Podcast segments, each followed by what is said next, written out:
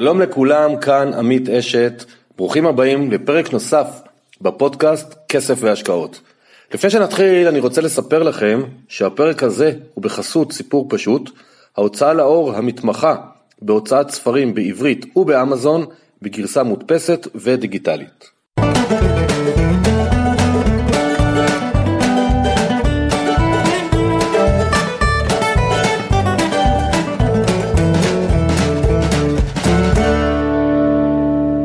שלום לכולם, כאן עמית. זה הפרק הראשון לשנת 2022, פרק 79. תודה שבחרתם להקשיב לנו. והשנה אני שמתי לעצמי יעד להכפיל את מספר ההאזנות, ככה שנגיע לכמה שיותר אנשים שייהנו מהתוכן. אז אם אתם מכירים מישהו שעוד לא מכיר את הפודקאסט, אז ממש ממש אנחנו נודה לכם אם תספרו לו. כמו כן, אני השנה אני אגדיל ממש את הפעילות שלי בקהילת הפייסבוק, כסף והשקעות, כרגע יש בה כ-5,000 איש, ממש מוזמנים להצטרף. והיום אני נורא שמח לראיין את אלון גונן, שלום אלון. שלום. אלון הוא צנוע, אבל הוא אחד היזמים המצליחים ביותר אה, בישראל לדעתי, שנמצא מתחת לרדאר. הוא יזם ומשקיע ומהנדס חשמל, ויחד עם כמה חברים הוא ייסד חברה שכל חובב כדורגל מכיר, שנקראת פלוס 500. אלון, עשיתי לפני השידור סקר, שאלתי אנשים, כל מיני אנשים, הם מכירים את פלוס 500, כל מי שחובב ספורט אמר לי כן, כל מי שלא חובב ספורט אמר לי לא, מה זה? אז מי שלא חובב כדורגל וספורט בכלל, אז כיום היא נותנת החסות של אתלטיקו מדריד, אלופת ספרד בכדורגל, נכון לעכשיו. ולי יש מלא שאלות והרבה נושאים, ואני מקווה מאוד שיהיה לכם מעניין. והבהרה כמו כל פרק, כל מה שנגיד היום זה למטרת לימודים בלבד, אנחנו לא ממליצים על השקעות, שום דבר, כל אחד שיקבל את ההחלטות המתאימות לו. ואנחנו נדבר על שלושה תחומים עם אלון, אחד זה על חברת פלוס 500 ויזמות, אחרי זה שאלות לאלון כיזם, והדבר האחרון, נדבר על המיזם החדש שהם עובדים עליו, שנקרא טוקקאסט, שנרחיב עליו. פתח סוגריים, יש לי כבר תכנים שם, תתחילו להכיר. מקווה שאתם תהנו. אז אלון, למי שלא שמע על פלוס 500, תספר לנו בבקשה מה החברה עושה, מה השווי שוק שלה כיום, ככה שאנשים יבינו שזה לא איזה חברה איזוטרית, ומה זה פלוס 500? חשוב שאנשים ידעו, כבר אין לי, אני לא פעיל בפלוס 500. זה אחת השאלות הבאות, זהו, רציתי לשאול אם אתה עדיין בבורד. לא, אני לא, אני בשום מקום, אני לא פעיל ולא כלום. מדי פעם יש לי קצת מניות שם, אבל אני קונה את זה כמו כל בן אדם בשוק, זאת אומרת, היום אני מנותק לגמרי מהם. פלוס 500, הקמנו את זה ב-2008, אני ועוד חמישה חבר'ה בוגרי טכניון. אספתי את החבר'ה האלה, חלקם חברים שלי, חלקם היו חברים של חברים. השקעתי בזה 400 אלף דולר מהכסף שלי. אני הייתי המשקיע היחידי. ומה שהחברה עושה בעצם היא, המטרה הראשונית שלה הייתה לאפשר מסחר פשוט על כל הכלים הפיננסיים בעולם ולהנגיש אותם לאנשים מהבית. זאת אומרת, אם מישהו רוצה לקנות נפט, המסלול הרגיל זה ללכת, לפתוח חשבון בברוקר ולהתחיל לבדוק את הסימבול ולחפור באיזה חודש הוא וכולי וכולי. ואצלנו פשוט פתחת את הפלטפורמה וראית אויל עם המחיר חבית נפט שלו. אז זה היה בעצם להנגיש את הכלים הפופולריים בעולם לאנשים בבית, זה מה שעשינו, זה היה ה vision. והאם זה חוקי בישראל? כי אני, במעט שאני יודע, יש דברים שנגיד eToro, או לא, אסור לסחור בישראל, בפלוס 500 מותר לאזרח ישראלי לפתוח חשבון? היה, רשות לניירות ערך פה הוציאה אפשרות להוציא רישיון פה, אני לא זוכר באיזה שנה, 2015, 2016, לא זוכר את השנה. כשהיא הוציאה את האפשרות הזאת, אז הגשנו בקשה לרישיון, ויש לנו רישיון, להם, היום זה להם, להם יש רישיון להפעיל זירת מסחר בארץ, עם הגבלות ספציפיות לישראל. ואם אתה יודע, כי אתה בטח עוקב אחרי החברה, מה השווי שוק שלה היום, מה הנפקתם, קצת שאנשים יבינו מספרים. לדעתי היום זה משהו כמו 2 מיליארד דולר. בסדר, גם סטייה של 10% במספרים כאלה. סדר גודל, אני חושב שהיום זה סדר גודל של 2 מיליארד דולר שווי. היא חילקה, אל תתפסו אותי על הדולר, אבל אני חושב מעל מיליארד דולר דיבידנדים לבעלי המניות, מאז שהנפקנו אותה ב-2013. הנפקנו אותה ב-2013, משהו כמו סדר גודל שווי 200 מיליון דולר, זאת אומרת, הנפקנו ב-200, היום היא שווה 2 וחילקה מיליארד, פי 15 על הכסף נכון להיום. אז אתם מבינים, מאזינים יקרים, למה אני אמרתי שזה אלון והצוות שהם עבדו ביחד, הם יזמים ככה מתחת לרדאר. איך עלה לכם הרעיון לעסק? כי, כי הפודקאסט מאזינים לנו הרבה מאוד אנשים בכל מיני גילאים, בכל מיני מקומות בחיים, מה הם רוצים לעשות. ואחת השאלות שהרבה פעמים שואלים, כאילו אנשים, אני רוצה לעשות משהו, מאיפה יבוא לי הרעיון? אז תשתף אותנו איך בא לכם הרעיון על זה. קודם כל, זה לא החברה הראשונה שעשיתי. עשיתי עוד חברה עם עוד, עם עוד חברות עם עוד אנשים מגיל צעיר, אבל ספציפית, מאז ומתמיד לא הסתדרתי ולא ניסיתי יותר מדי להסתדר עם קרנות ומשקיעים. אני פשוט לא, סליחה על המילה, לא סובל אותם, אז מעולם לא התעסקתי לא עם קרנות, התעסקתי פעם אחת עם משקיעים שקדחו לי, חפרו לי, הרגו אותי ודפקו לי את העסק, למרות שהרווחתי בסוף.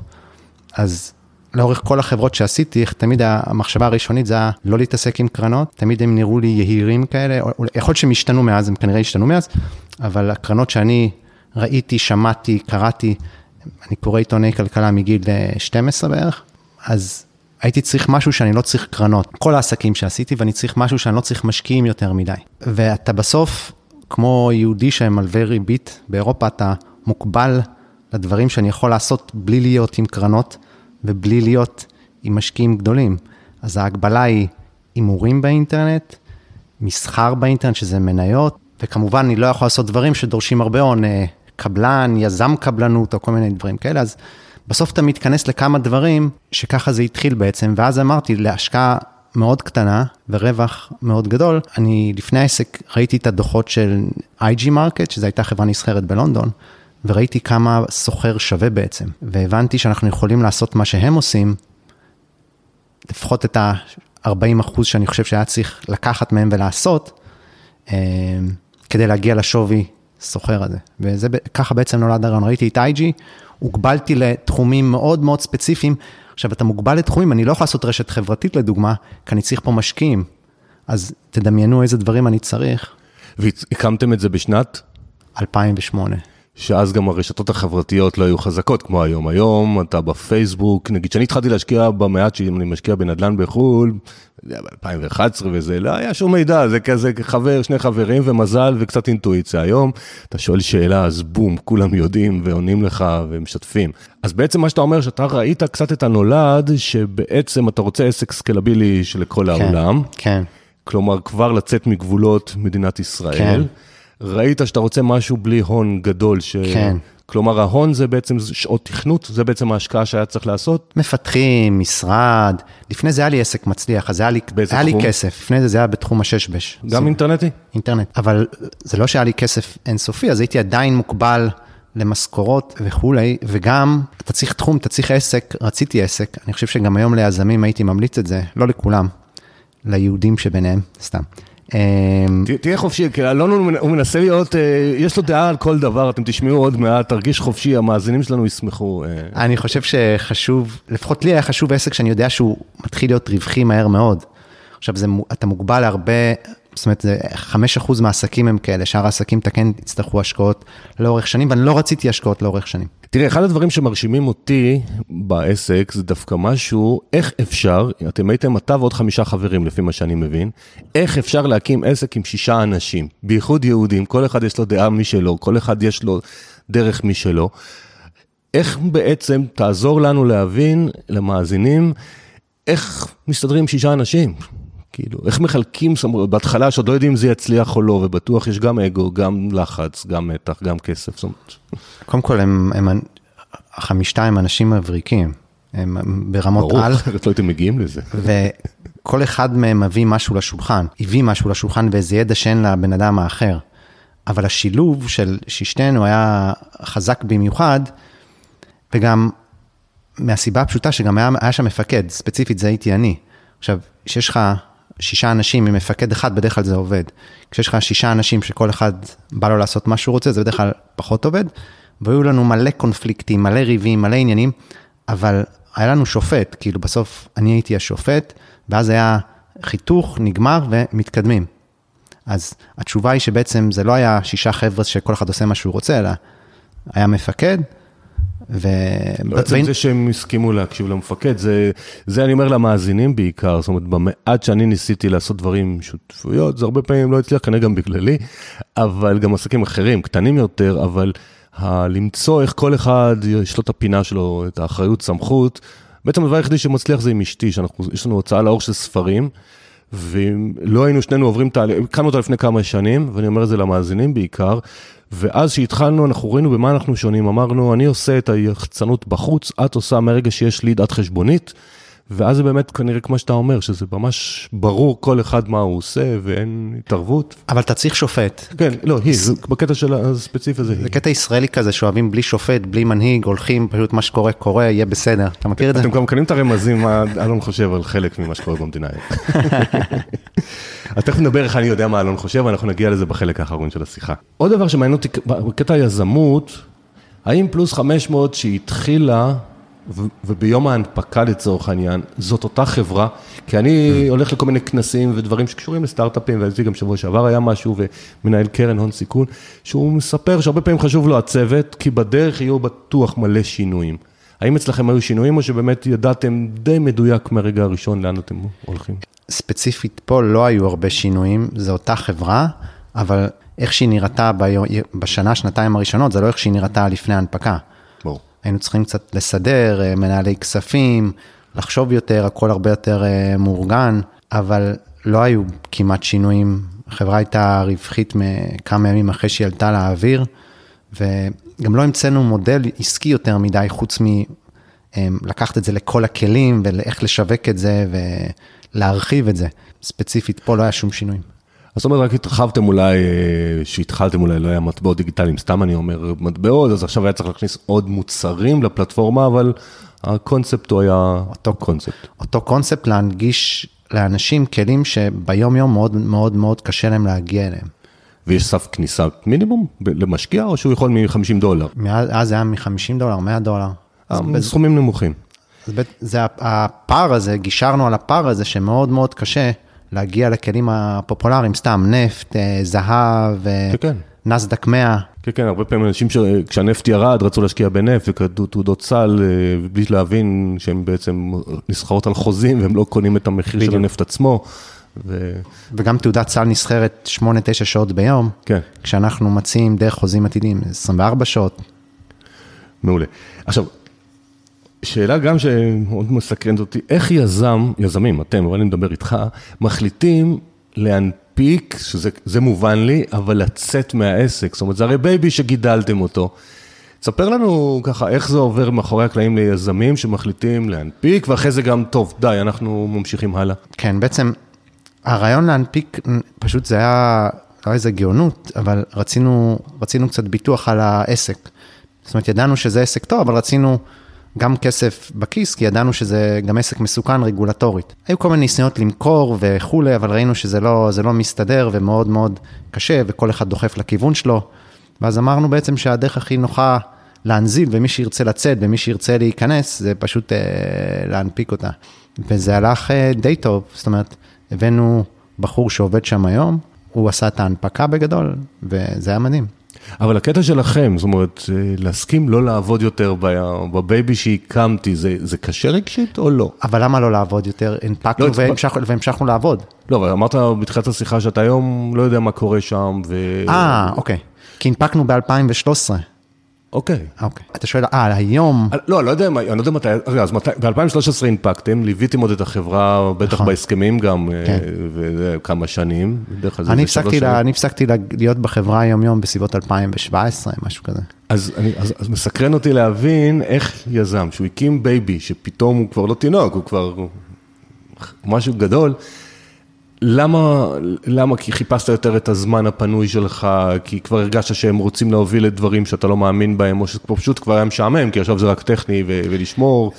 שאלה טובה, אמ, פשוט אני, אצל כל אחד זה שונה, יש אנשים שישארו שם עד גיל אה, 70, וכנראה זה גם יותר כלכלי להישאר שם, זאת אומרת, לי אישית זה היה בטוח יותר כלכלי להישאר שם ולהנהיג אותם הלאה, אבל פשוט אני הרגשתי מ-2008 עד אה, 2017, שפשוט אה, די מיציתי. וכבר לא היה לי כוח לחשוב על ה... עכשיו, אני מסוג האנשים שאם אני באיזשהו עסק, אז אני כל הזמן חושב עליו. all in, כן. זה לא מלחיץ אותי או משהו, אבל אה, יש כל הזמן, חלק מהמחשבה היא על העסק, וכבר לא היה לי חשק יותר להמשיך לחשוב עליו. יפה מאוד. אז שאלה אחרונה שקשורה לפלוס 500, זה גם סקרנות. אה, לא יודע אתה היית מעורב בזה או שזה היה אחריך, איך מגיעים לתת חסויות, כי אתם נותנים גם אה, פלוס 500 כיום, אני אומר אתם, אבל כי אה, אני לא יודע מתי זה התחיל, לחברות, לקבוצות ספורט מובילות בכל מיני מקומות בעולם, לא רק בספרד. איך מגיעים לזה? האם יש סוכנים שמטפלים בזה? זה קשרים אישיים? איך, זה עובד?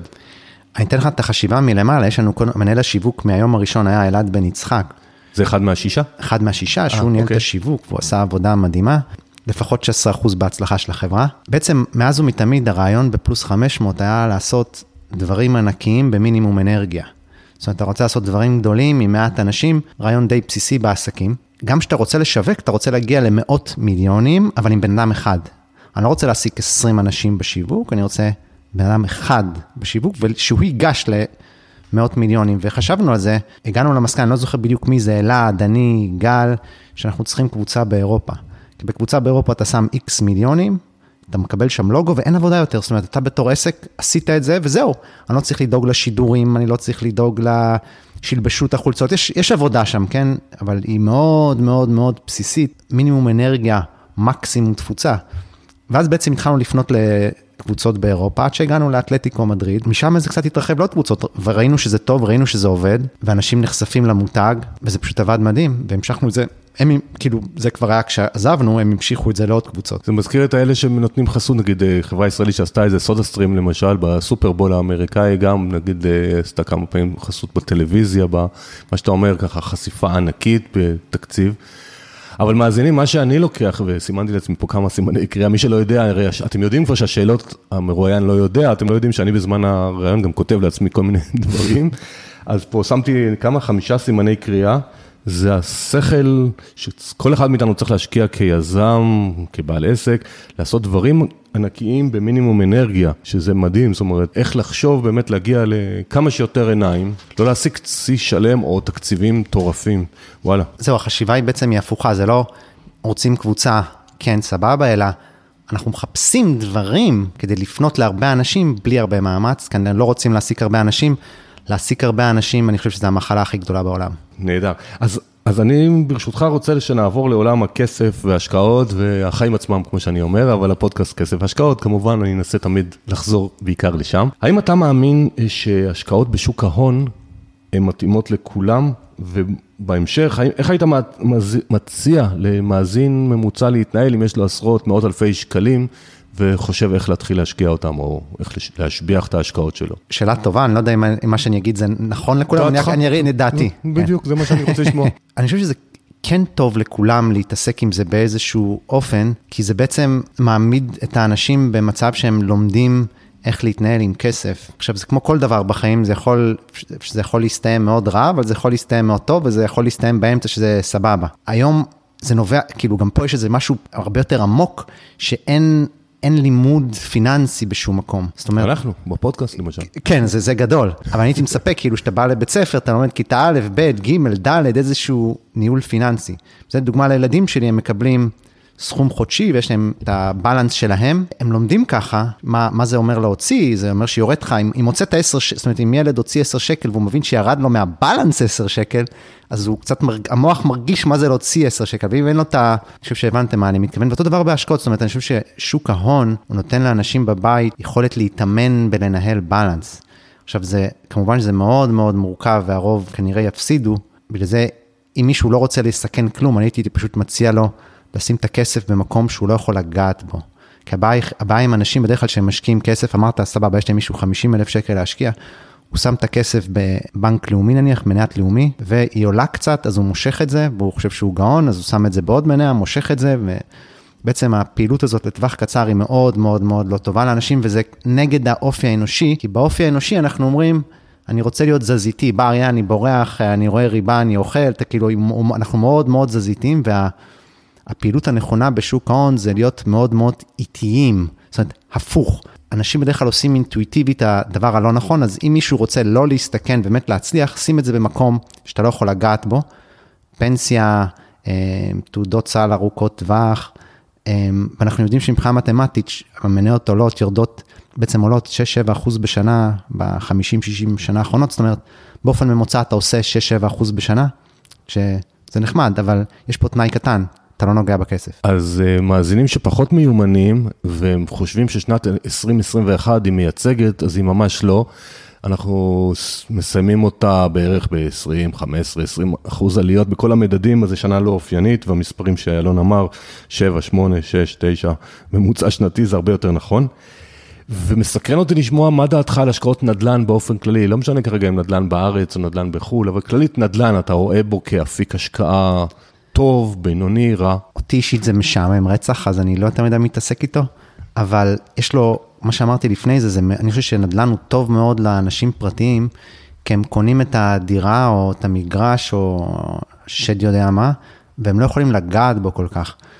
כן, לא בא אליהם שכן ואומר, תשמע, הדירה שלך ירדה ב-10%, אז הבן אדם לא בא ומוכר את הדירה, כמו שהוא רואה את אה, אלביט מערכות יורד 10% וטראח, מוכר אותה. אז אני חושב שלאנשים פרטיים, השקעות בנדל"ן, זה מדהים, וגם בימים שלנו שהאינפלציה בעצם שהמדינה והממשלות מנסות לגנוב כסף. תכף יש שאלה על האינפלציה. אוקיי, אז שמנסים לגנוב מאיתנו את הכסף על ידי הורדת הערך שלו, כשאתה קונה דירה, אתה מגן על הערך שלך. אז אני מאוד מאוד מאוד בעד השקעות נדל"ן לאנשים פרטיים.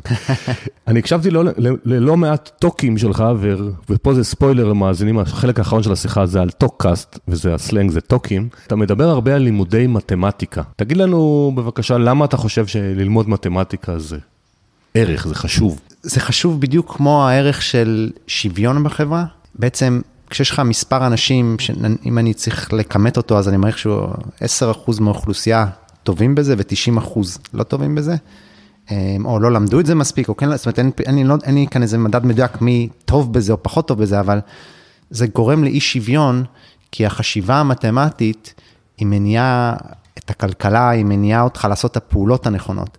עכשיו, זה לא משהו שאתה נולד איתו, וזה לא איזה גן שיש לך בראש שאתה יודע מתמטיקה, אלא זה פשוט מאוד צריך ללמוד את זה. ומסיבה הזאת, זה כל כך חשוב שכולם ידעו את זה, כי זה, כל תחום היום בחיים, זה נשלט, בלי, וזה גם מתחת לפני השטח, זאת אומרת, הילד שלך רואה טיק טוק או רואה יוטיוב, הוא לא מבין שיש שם איזה אלגוריתם שהוא מתמטי שעושה שם את העניינים, אבל שול, זה שולט בחיים שלנו, ואנשים עוד פעם, הם לא מבינים כמה זה שולט בחיים.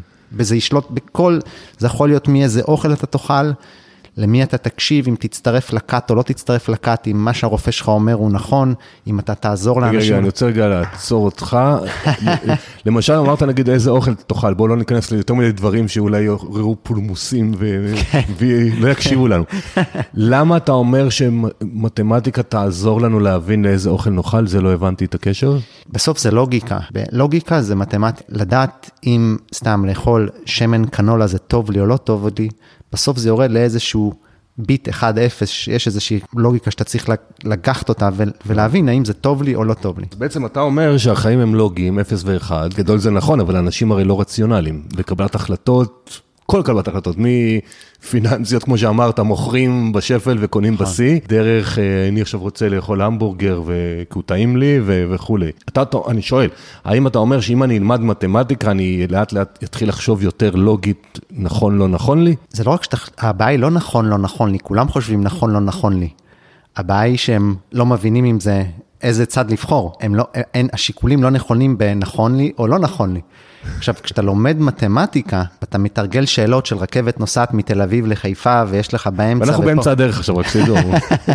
כן, אז כשאתה לומד את זה, זה משפיע על כל תחום בחיים שלך בלי שאתה יודע. אז זה מוביל אותי לשאלה הבאה, האם אתה חושב שהיום, אנחנו בתחילת 22 לצורך העניין, לימודים אקדמיים יש להם עוד משמעות, או שהיום בגלל שאקדמיה יש לה את הקצב שינויים שלה, אז עדיף ללמוד בתוך חברות כמו פלוס 500, ללמוד מהחיים, ללמוד מיוטיוב, או שיש עדיין משמעות ל...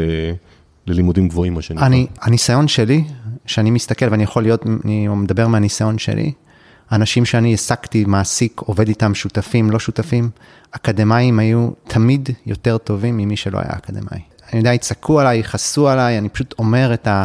ותמיד, תמיד, ותמיד העדפתי אנשים מאוניברסיטאות יותר מאשר מכללות, וגם אני, אולי גם פה קצת לא אוהבו את מה שאני אומר, אבל אני ראיתי את ההבדל, ואני חושב שברור גם שיש הבדל. עכשיו, זה לא, זה לא אומר שאם אתה מביא בן אדם מאוניברסיטה ואתה מביא בן אדם ממכללה, האוניברסיטה יהיה יותר טוב, אלא זה אומר שהסתברותית, הוא יהיה, הוא יהיה כנראה עובד יותר טוב, או ידע את החומר יותר טוב, כי הוא יש לו פסיכומט יותר גבוה, והוא יותר משקיע בלימודים, אז זה לא, ש, זה לא שעכשיו מישהו שמכללה יבוא ויגיד, אני יותר טוב ממנו, פחות טוב, זאת אומרת, אני כשאני מחפש שותף, או שאני מחפש עובד, אני רוצה בהסתברות הכי גבוהה לפגוע טוב.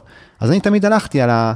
חיתוכים הכי טובים, זאת אומרת, קצין בצבא, טכניון, אוניברסיטת תל אביב, פסיכומטרי גבוה, עשה עוד משהו, עבד בגוגל, עבד בפייסבוק, זאת אומרת, כל, כל פרט מידע שאתה אוסף עליו, הוא עוזר להסתברות. עכשיו, יכול להיות ונתקלתי באחד כזה, שהוא לא עשה כלום, לא היה בשום מקום, הוא פשוט בן אדם גאון וכיף לעבוד איתו. אבל זה, יש כאלה, אבל הבנתי. ותשימו לב איך גוגל והחברות האחרות מגייסות, יכול להיות שהם שינו את זה, כי היום חסר להם אנשים, אבל זה תמיד על פי הדברים האלה. אוניברסיטת תל אביב, MIT, דוקטורנט, זאת אומרת, זה תמיד, תמיד, תמיד הדברים הבנאליים האלה ש...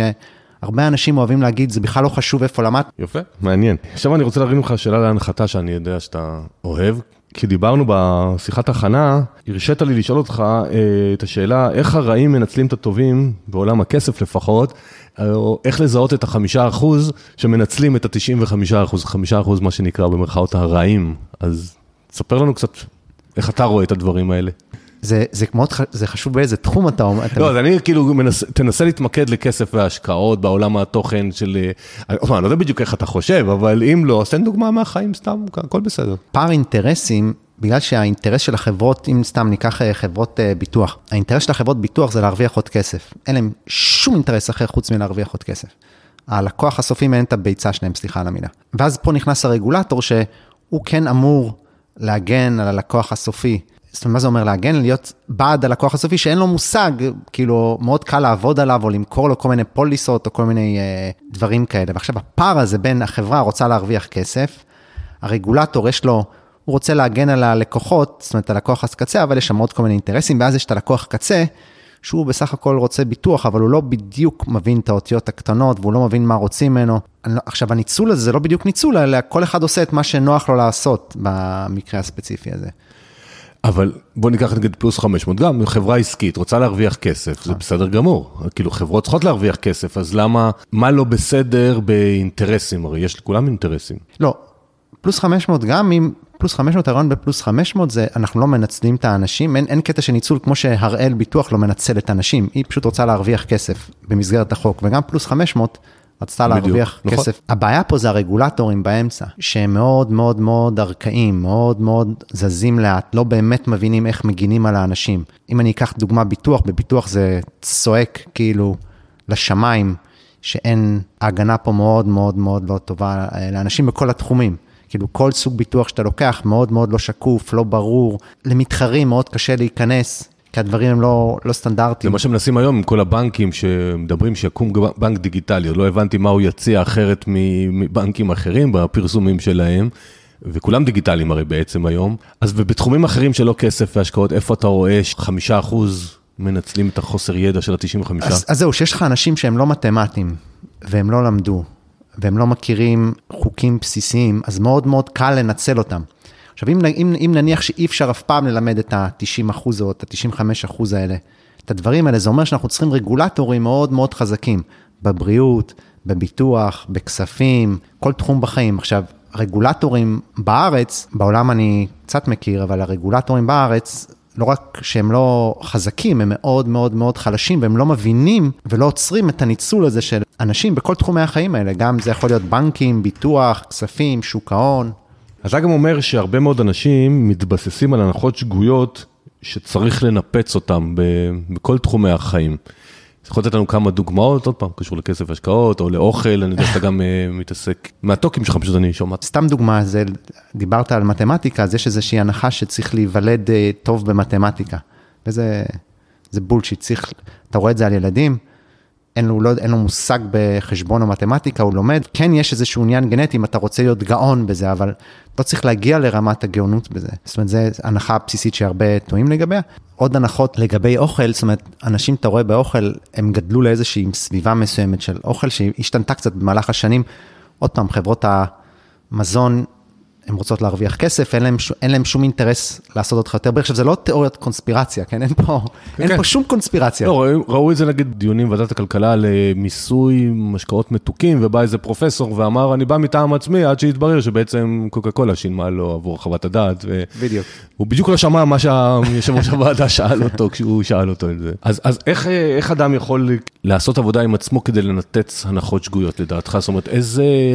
אני מכיר את זה מעולם הכסף, שאני נגיד בהרצאות. אה, נורא אוהב לשאול פרונטליות, כי זה, אני רואה קהל ואני אומר להם, תגידו, מי שמאמין שמרבה נכסים, מרבה דאגה, זה נכון שירים את היד, ו-90 אחוז, 80 אחוז בדרך כלל מרימים, מרימים את היד. ואז אני נותן דוגמה של שתי קיצוניות, הומלס מתחת לגשר בהודו, שאני מאוד אוהב את הודו, שאין לו מה לאכול והוא לא יודע אם הוא יקום בבוקר, ומיליארדר שיש לו מלא עסקים ומלא טרדות ויש לו דברים על הראש. ואז אני שואל אותם, איזה צד אתם רוצים להיות? זאת אומרת, מיליארדר ייקח מה עובדים, מנהלים וסיפורים, ו...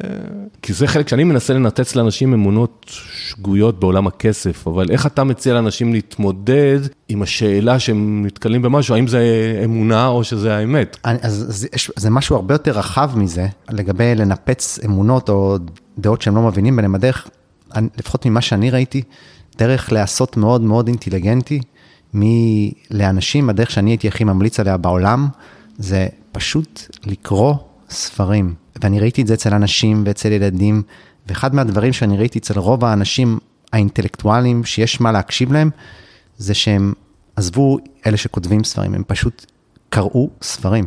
עכשיו, היום יש לנו גם לשמוע ספרים, שזה אפילו יותר טוב ויותר קל. הדרך הכי נכונה והכי טובה לנפץ דברים, זה פשוט להיות קצת יותר אינטליגנטי ולפקפק בכל מה שאתם שומעים. זאת אומרת, אז אחד, הייתי מציע לאנשים וגם לילדים שלהם לקרוא הרבה ספרים. בתחומים עיוניים ולא עיוניים, אבל עדיף שיהיו עיוניים, ביוגרפיות, טבע, כל תחום, או בעצם כשבן אדם מספר לנו חיים שלמים שלו בספר, אז מקבלים בשש שעות קריאה או שמונה שעות קריאה, אתה מקבל תמצית של בן אדם, ונניח שהוא uh, פרופסור ב-MIT, אז כן, הוא קצת יותר אינטליגנט מבן אדם ממוצע, אז שווה להקשיב לו עכשיו. אנשים שהם ביום-יום, סתם אתה נהג במשאית של קוקה קולה, אתה לא, אין לך דרך להקשיב לפרופסור ב-MIT. הוא לא, הוא לא נמצא בשכונה שלך כנראה, הוא לא גר איתך בבית, אבל אם אתה קורא איזה ספר של פרופסור ב-MIT, יש לך גישה להבנות. עכשיו, אנחנו יצורים שאנחנו לומדים עם הזמן, וכשאנחנו שומעים אנשים, אנחנו לומדים מהם. אז, ומעט מאוד אנשים, תראה, מעט מאוד אנשים בעצם קוראים את הספרים האלה שכתבו פרופסורים ולא פרופסורים, וזה קורה לפערים מאוד מאוד גדולים באוכלוסייה. עכשיו תראו, האנשים החזקים בעולם, אילון מאסק, ביל גייט, הם קוראים המון. הם קוראים בלי סוף. וקראו בלי סוף, ואומרים גם שהם קראו בתור ילדים בלי סוף. המלצה פשוטה, תקראו. רוצה רגע לחזור לעולם ההשקעות, אה, האם יש לך איזושהי דעה כזו או אחרת על להשקיע בניירות ערך של חברות סיניות? כי הרי יש שם מאבקי פוליטיקה אינסופיים בין ארה"ב לסין, והממשל הסיני מדי פעם בא לו לשנות קצת את הדברים. קצת שלישי, נראה שסין הולכת לצמוח, אז uh, האם יש לך דעה? כן, קודם כל יש לי כמובן דעה. אני יודע, לכן אני שואל. אני בעצמי משקיע במניות סיניות, ואני משקיע בכל מניה שאני אישית, ואני אציע לאנשים מה שאני עושה, כי אני חושב שזה הטוב. מי שכן משקיע בחברות פרטיות, למרות שאני מציע לאנשים, לרוב האנשים להשקיע באינדקסים ונדל"ן כשדיברנו, אבל מי שכן משקיע בחברות פרטיות, אין איזשהו גבול שאומרים את זה אני לא משקיע. לא צריך לשים איזשהו חוק שאומר שם אני לא משקיע. צריך להסתכל על החברה עצמה ופחות על ה... אני לא הייתי מסתכל על הפוליטיקה של סין או על מי ולמה וכמה, הייתי מסתכל ספציפית לחברה עצמה. ואם מדברים על סין, אז סין, הגרף שם די ברור. מבחינת, יש שם, אני חושב, פי 4, פי 5 מהנדסים מסיימים בשנה מארצות הברית. המטבע הדיגיטלי שיוצא שם, אז רק שם את סין בכיוון די ברור של הצלחה, ויש להם שלטון חזק, ואני חושב שהפעולות שהם עשו הן חכמות. הפעולות שהם עשו, הם פשוט היו נגד מה שהבורסה רצתה, אבל זה לא אומר שזו לא הפעולה הנכונה. החברות הסיניות שנסחרו הברית, חלקן חטפו לא מעט בגלל שהם אמרו להם אולי תמחקו ואולי אל תסחרו. אתה אומר אתה לא מוטרד, אתה אומר עם השנים זה הם ינצחו, זאת אומרת גם אם השלטון שם... כן, אין אה. ספק. ורואים את זה גם שהחברות הסיניות גם יוצאות החוצה. ובהצלחה, טיק טוק. אה, לא, הן יוצאות החוצה, אבל השאלה איך כמשקיע אתה יכול לוודא שלא פתאום השלטון הסיני יגיד להם, כמו שהם עשו עם עליבאבא שרצו להם להנפיק את אנט ופתאום אמרו להם לא, וההוא נעלם ג'ק מה לכמה חודשים וחזר ועליבאבא היום בערך שליש ממה שהייתה כשזה התחיל, אז אתה כמשקיע, אלא אם כן אתה משקיע ממש, אולי אפשר, אני לא יודע, אולי דרך פלוס 500 אפשר להשקיע בסין עצמה ועם לא, חברות סיניות, לא. אבל אה, אז כל הנושא הזה לא מטריד אותך. שאלה, קודם כל שאלה טובה, והוא כן מטריד אותי, אבל זה הכל נכנס במה המחיר שאני משלם. מה המכפיל שאתה משלם. זאת אומרת, גם אם אתה אומר לי, יש, לי, יש לך 50 אחוז שיסגרו את החברה, אז אני אומר, אוקיי, וכמה אני, ואם אני, אני במכפיל שאני מקבל את הכסף תוך כמה חודשים, לא אכפת לי הסיכון הזה. זאת אומרת, אז התשובה היא, כל הדברים האלה אתה צריך להכניס לסיכון סיכוי שלך ולהתחשב בהם, אבל יש בסין חברות מדהימות במכפילים מדהימים. ואז אה, מאזינים יקרים, מה שבעצם אלון אומר, אם אתם הולכים על חברות, פשוט תבינו את החברה. כן. תבינו מה היא עושה, תבינו את הסקלביליות האפשרית שלה, ותשקללו את הסיכון סיכוי שאתם מוכנים לקחת. תראו עשר שנים אחורה מה היא עשתה, מה ההכנסות, מה הסיכוי שהיא מרמה אתכם, מה התחום שהיא מתעסקת בו, מי המנכ"ל, מי בעלי המניות. שאלה אישית, ואם אתה לא רוצה לענות, זה גם הכל סבבה. אתה אישית משקיע בסטארט-אפים, ביזמויות? לא, לא. למה? כי פשוט ה... אין לי התמחות בזה. עקרונית אני אוהב להשקיע רק בחברות אה, רווחיות, שאני יכול לנתח אותן ולראות מה הם עשו ולא עשו, וזה פשוט נובע שאני לא, אין ה deal flow, אני לא מקבל את ה deal flow הטוב של החברות האלה, וגם אני לא אוהב להתעסק מול יזמים ולחלום חלומות, פחות, פחות מתחבר לתחום. אני לא אומר שהוא לא טוב, לי אישית הוא פשוט לא, פחות שאלתי אותך. אישית, לא, לא, ברור שזה טוב, כי או- אולי לא, אבל יש עשרות שכן עושים, אז אה, כן. מסקרן. עכשיו, אני אגיד לך גם למה שאלתי את השאלה הזאת. מאזינים, זה היה גם בשבילכם, כי אני ידעתי את התשובה. אבל למי שפחות מכיר, יש כזה מין סטיגמה שאם יזם הצליח, אז הוא כנראה בטוח עכשיו משקיע בכל סטארט-אפ, כי הוא מבין בזה, ופה אלון בגילוי לב אומר, לי אישית זה פחות מתאים, הצלחתי, הייתי יזם, אני יזם היום גם. אבל בעולמות שלי, מי שמכיר אותי יודע שאני תמיד מציע לכם, לכו עם הלב שלכם ולא עם מה שכולם עושים או העדר. אז זה הדוגמה של הש- סוג השקעה שאדם אומר, אני יכול, לא רוצה. אז גם אתם, יש השקעות שאולי אתם לא רוצים, ואני אמשיך בשאלה ואשאל, מה דעתך על כל עולם המטבעות דיגיטליים, NFT, בלוקצ'יין, האם זה מקום שאנשים... היום הרי זה בכותרות. לדעתי אף אחד לא יודע באמת לאן זה הולך, לדעתי הסובייקטיבית. השאלה אם אתה משקיע בזה, מה דעתך בכלל על העולמות האלה, עולמות המטא וכל ה... זה, אני חושב שזה יכול, זאת אומרת, קשה לנבא את העתיד, אבל זה נראה כאילו שזה עושה דברים יפים.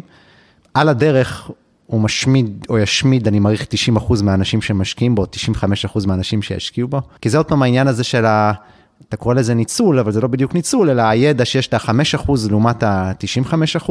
אני חושב שזה כן ייצור איזושהי תעשייה מאוד מאוד טובה שהולכת ותתפתח. ברור שהיום, היום זה סוג של אה, פירמידה, אבל היא פירמידה שיש שם פשוט עסקי, עסקי צד שהם יהיו עסקים אמיתיים.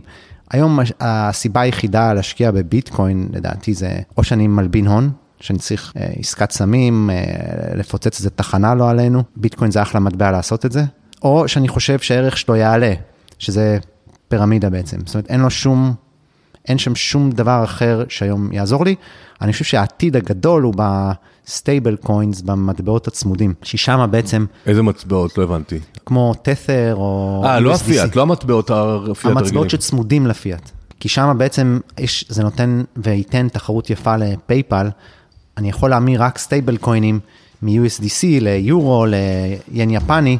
זאת אומרת, אני חושב שהעתיד הגדול הוא ב-stable coins, ובעוד כל מיני מטבעות שהם לא צמודים, אבל זה יתפתח. זאת אומרת, שורה תחתונה, יש לנו פה פירמידה מדהימה, עדיין יתפת... יהיו פה עסקי צד שהם כן יהיו עסקים אמיתיים.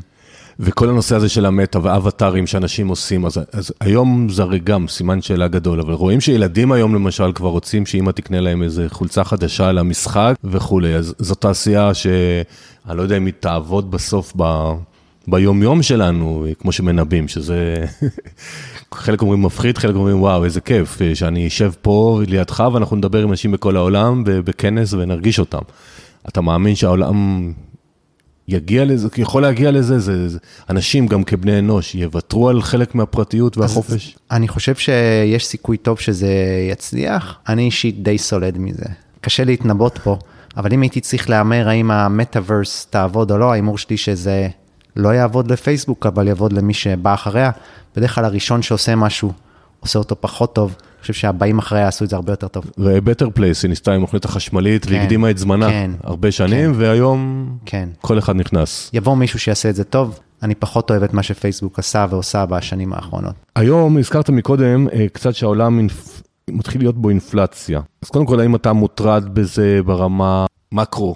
עולמית מצד אחד, ומצד שני, איך אתה מציע למאזינים שהם משקיעים יותר קטנים להתגונן? אז הצעת מקודם אולי נדל"ן, אבל עוד פעם עדיין זה סכום יחסית שלא כל אחד יכול להרשות לעצמו לקנות נכס. כללית, מה דעתך על האינפלציה האמיתית, מזויפת, מתוכננת? אני חושב שבעצם האינפלציה זה דרך נוחה לממשלות על ידי הנפקת אג"ח, או אני לא יודע מה הם עושים שם, מנפיקים כסף, אני לא כזה מבין עד הפרט האחרון איך הם, איך הם דוחפים את הכסף הזה לשוק, קניית אג"ח, whatever. אבל זה דרך מאוד מאוד, אנשים צריכים להבין שזו הדרך של הממשלה לקבל כסף בלי להעלות מיסים.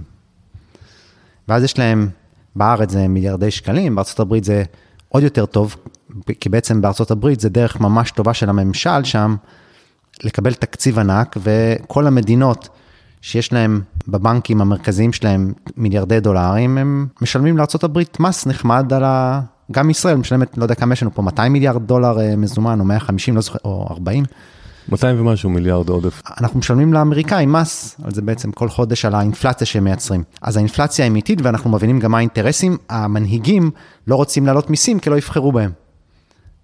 ונוח להם להעלות אינפלציה כי אנשים פחות מאשימים את המנהיג באינפלציה. אז זה הסיבה שהאינפלציה אמיתית והיא קורית. מי שמבין בזה צריך להבין שהאינפלציה משפיעה על כל תחום בחיים שלנו, ודרך טובה להתגונן בפניה זה פשוט להיאחז בנכסים אמיתיים. אחד מהם זה חברות, רוב החברות אני חושב בבורסה הן די מוגנות מאינפלציה, בעיקר עם חברות, אם יש להן הלוואות לא צמודות, זה ממש מעניין, כי האינפלציה מורידה להם את ההלוואה. נדל"ן כמו שאמרת, אני חושב שאנשים פרטיים הדרך היחידה להתגונן זה פשוט לא להיות עם הרבה מזומן. אה, לא רק לא להיות עם הרבה מזומן, אה, נגיד בראייה שלך, לא להשקיע נגיד במטבעות דיגיטליים, אבל כן ללכת לשוק ההון, כי אתה אומר חברות בסוף, או שהם יעלו מחירים, או שהם יצמחו כי יש להם business טוב, ומדדים לאנשים שפחות יודעים לנתח חברות, זה, זה פתרון. לגמרי. מעולה. יופי, אנחנו מגיעים לחלק השלישי של השיחה שלנו. אז קודם כל, כל מאזין ברגע זה עושה רגע stop ומוריד את האפליקציה שנקראת טוק. קאסט, T-O-K-C-A-S-T, ותספר לנו מה עושה טוקאסט. מה שטוקאסט עושה בעצם זה כמו פודקאסטים, רק פודקאסטים קצרים שאנשים מעלים. אבל יש המון אפליקציות פודקאסט, אז מה טוקאסט מביא שאין בשוק? מה שטוקאסט עושה בעצם, היא מביאה, היא מאפשרת לאנשים שרוצים גם לקבל כסף מהפודקאסט שלהם. התשלום הוא מאוד אה, ברור ומיידי, אתה מעלה פודקאסט קצר של עד 20 דקות, ואתה יכול לקבל על זה אה, ממש לפי מספר המאזינים, זאת אומרת, הזמן שעובר בין שאתה מעלה את הפודקאסט לך לתשלום הוא מאוד מאוד קצר ואתה רואה את זה, והכל הוא one stop shop, לא צריך לרוץ לאפליקציות אחרות, לעשות דברים, הכל קורה בטוקאסט, והפרקים פשוט הרבה יותר קצרים והרבה יותר ממוקדים. אז תראו, מאזינים יקרים, אני שמתי, אני חושב, בערך 20 קטעי תוכן לפני כמה, במהלך החודש בערך האחרון, כי רציתי להכיר את האפליקציה, אז אתם מוזמנים להאזין לי ולמאזינים אחרים. האפליקציה גם עוברת המון המון שינויים, אני רואה, אלון, כי כל פעם שאני נכנס, אתם מעלים גרסאות. כי בהתחלה זה התחיל עם קטעים עד דק, חמש דקות או דקה, היום זה עד עשרים דקות, והחיפוש לא תמיד הוא הכי נוח, זאת אומרת, אה, מבחינת אה, החזון שלכם, של, אם אני מבין נכון, זה אתה והצוות שהקמתם את אה, פלוס 500, אתם שם. מה ה-vision שלכם? כאילו, מה... לאן אתם רוצים להגיע? האם זה הולך להיות international, זה הולך להיות איזשהו baby ישראלי ככה, להחזיר לקהילה, מה שנקרא? זאת אומרת... זה, אין לנו כרגע ממש חזון גדול לגבי זה, כי אנחנו בודקים איך זה עובד בשוק הישראלי. אמ, אנחנו כן חושבים שהשמע הולך להיות חלק גדול מהעתיד, והוא, וזה קורה גם. החזון הוא פשוט פודקאסטים קצרים וממוקדים, אנחנו בודקים את זה פה בשוק הישראלי, כ-baby, קטן. אז מאזינים בינינו שאתם יוצרים, שיש לכם ערוץ פודקאסט, שיש לכם יוטיוב, שיש לכם טיק טוק, שיש לכם סתם מה לומר לאנשים, אז בעיניים שלי כיוצר, הבידול הגדול של טוקאסט, כמו שאלון אמר, הם משלמים ליוצרים. זאת אומרת, אם אני היום, יש לי 20 אלף האזנות בחודש בפודקאסט שאתם מקשיבים לו עכשיו, אני לא מקבל על זה כסף. אה, זה חלק מהחלטות שלי. באפליקציה, בטוקאס, על כל האזנה, יוצר מקבל כסף, ולכן כדאי לכם להצטרף, מי שרוצה גם לעשות איזושהי מוניטיזציה. אבל מבחינתכם, אני לא הבנתי למשל מה המודל העסקי שלכם כ- כבעלי החברה. זאת אומרת, אני מבין שאני כיוצר שווה לי לשים קטעי תוכן, ואם מישהו יקשיב להם אני גם ארוויח כסף, אבל מאיפה אתם תרוויחו? מה, מה המודל העסקי שלכם בסוף? בסוף זה לא עסק כמו פלוס 500. ברור. זה עסק הפוך, זאת אומרת למי שהיה רוצה להקים עסק ולהרוויח מהר, זה לא העסק שהייתי מציע לעשות. זה אני הבנתי, אבל אני שואל... כן, כן, אני רק מסביר. אה, המודל העסקי בסוף זה לאסוף מספיק יוצרים ומספיק משתמשים, כדי שהם יזינו אחד את השני, ואנחנו פשוט ניקח או עמלה באמצע על פרסומים או על אה, דברים כאלה. אנחנו לא שם עדיין. אנחנו עכשיו בשלב של אה, לאסוף את היוצרים. עכשיו אתם משקיעים, זה בסדר, אתם מקימים תשתיות. נכון. אז אתה אומר, בסוף נגיד אה, כמו יוטיוב, יש לי ערוץ יוטיוב, נכון. אז יש לי שם פרסומות, אז יוטיוב מתחלקים איתי ואני מקבל פעם בחודש איזשהו סכום בדיוק. כזה או אחר. כן. ומבחינתכם יש איזושהי חוויה שונה שעשויה להיות למאזין לעומת אפליקציית, אה, או בספוטיפיי שהוא מקשיב לפודקאסט או לדברים אחרים, או היתרון הייחודי, הייחודיות שלכם זה שכל אחד יכול לעלות וקטעים קצרים. זה הייחודיות בדיוק. כל אחד יכול לעלות, קטעים קצרים. תשלום ליוצרים, אני חושב שאנחנו נוכל להתחרות בכמה כסף אנחנו משלמים ליוצרים. לא, בזה אתם בטוח שונים. אני מנסה להסתכל לא מבחינת היוצר, אלא מבחינת המאזין. כאילו, למה שמאזין עכשיו, שמאזין לנו, כנראה באפליקציה רגילה, יגיד לעצמו, טוב, מעכשיו אני מחפש את עמית או את אלון, כי תדעו, לאלון יש מלא טוקים, כדאי לכם להקשיב, יש לו מלא דברים מעניינים להגיד, או מישהו אחר, אה, מבחינתו, כי בסוף הוא צריך לבחור איפה הוא מאזין לנו. זו שאלה טובה, בסוף המאזין, הוא רוצה יוצרים טובים. אין, אין לי דרך אחרת להביא אותו אלינו חוץ מיוצרים טובים, אז אנחנו עובדים כדי להגיע ליוצרים טובים. בסופו של יום, אם יהיו, כנראה יהיו יוצרים שיהיו רק אצלנו, אז אנחנו מקווים שהם יגיעו אה, יותר אלינו. הרעיון, הרעיון הבסיסי בטוקאסט היה פחות עסקי ויותר אה, קצת להחזיר אה, לקהילה, אבל אה, זה בדיוק מה שאנחנו מנסים לעשות שם. מבחינתי לפחות זה היה לא לעשות, זה לא משהו שהיה אמור לעשות כסף גדול יותר כמו לתת לאנשים עם הקול הנכון לדבר. כי זו באמת השאלה הבאה שהייתה לי, זה מה דוחף יזם כמוך, שכבר גם לפני פלוס 500 עשית כמה יזמ, יזמויות, התחיל עוד פעם מאפס, כאילו, מה, מה ה-drive? כי אני חושב שהמון המון אנשים, אני רואה את זה גם בקבוצות פייסבוק שלי ושל אחרים, בקהילות, שואלים את השאלות, אם מישהו, אה, נגיד, מוכר קורס דיגיטלי בתחום תוכן שלו, הוא בטוח שרלטן והוא מרוויח רק מהקורסים, כי אם הוא היה כל כך היה- הוא לא היה עושה כלום. עכשיו, אני... לא מחזיק מעצמי שרלטן, גם יש לי קורסים דיגיטליים, אני גם עושה הרצאות, כי אני גם אוהב את זה, אה, ב-scale הקטן שלי. והרבה אנשים אומרים, רגע, אם מישהו כבר עשה משהו ונורא הצליח, אז מדמיינים שהוא עכשיו יישב כל החיים שלו על שפת הים ומהלפטופ וידוג.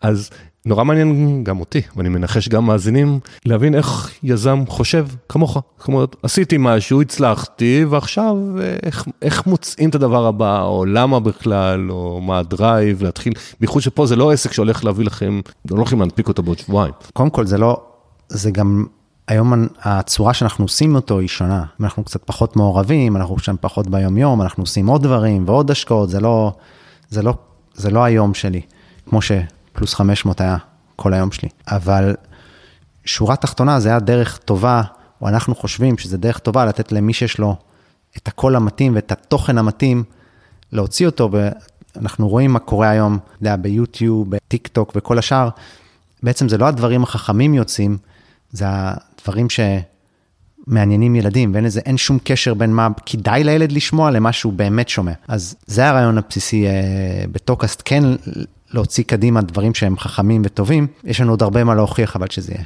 לא, אבל מה שאני שואל את עצמי, למיטב ידיעתי, ואולי אני טועה, אין איזה סינון, זאת אומרת, כל אחד יכול להעלות תוכן, אז אתה אומר, אני רוצה שבטוקאסט יהיו רק דברים יותר איכותיים, או זה, אתם לא עושים איזשהו סינון ואומרים, אתה כן, אתה לא, אתם לא עושים פה איזשהו... יש, קודם כל מידור. כן, הם, לא- אנחנו, לא- הם, לא, הם לא מאשרים כל אחד.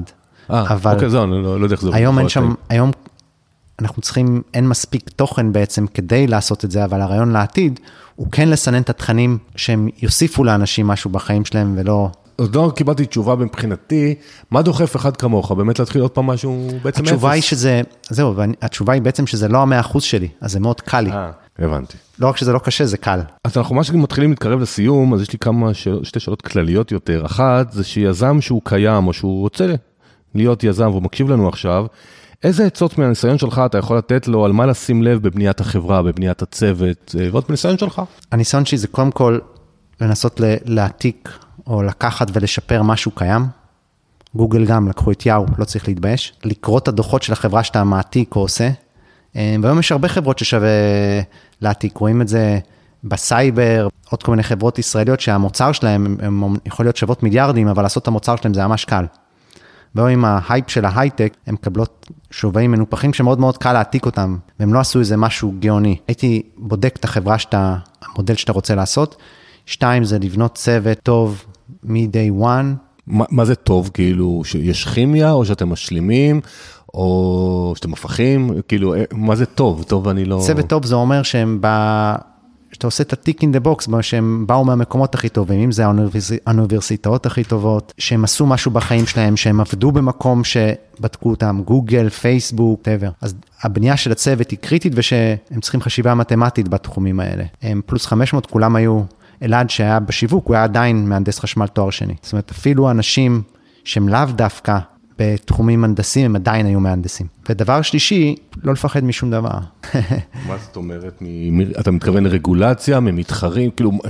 יש לאנשים יש חשש, הרבה פעמים אומרים אה, חשש, אה, ואני לא אספר את זה, דוגמה, אני לא אספר את זה לאף אחד כי הם יעתיקו אותי, אז אני אומר הפוך, אתה תספר, תספר לכולם בלי לפחד, כי הרעיון שלך כנראה הוא מפגר, ועדיף שתשמע את זה, שאנשים יגידו לך שהוא מפגר. או שיגידו לך שהוא טוב או לא טוב, אבל גם אם יגידו לך שהוא מפגר, עדיין תעשה אותו.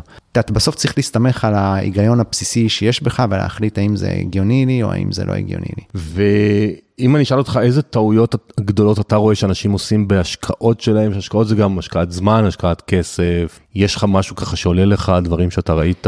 כן, בעצם הדבר הבסיסי, הטעות הבסיסית זה בעצם, הם לא מבינים את הנקודת כשל הבסיסית, למשל אתה בא אליי ואומר, יש לי קבלן שבונה פה בית ואתה תרוויח 15% אה, בשנה, כערך של הבית יעלה.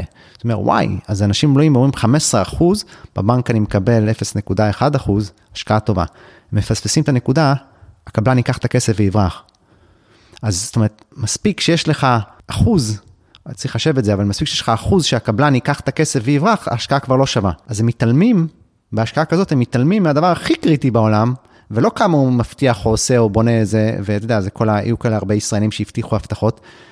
מה ההסתברות שהבן אדם ייקח את הכסף ויברח, או לחלופין, החבר שהמליץ לך ייקח את הצ'ק שלך ויברח. אז אנשים לא משלימים את מסלול הכסף. זאת אומרת, אתה עוד פעם חוזר לחשיבות המתמטיקה וניתוח, כן. ניהול הסיכונים. כן.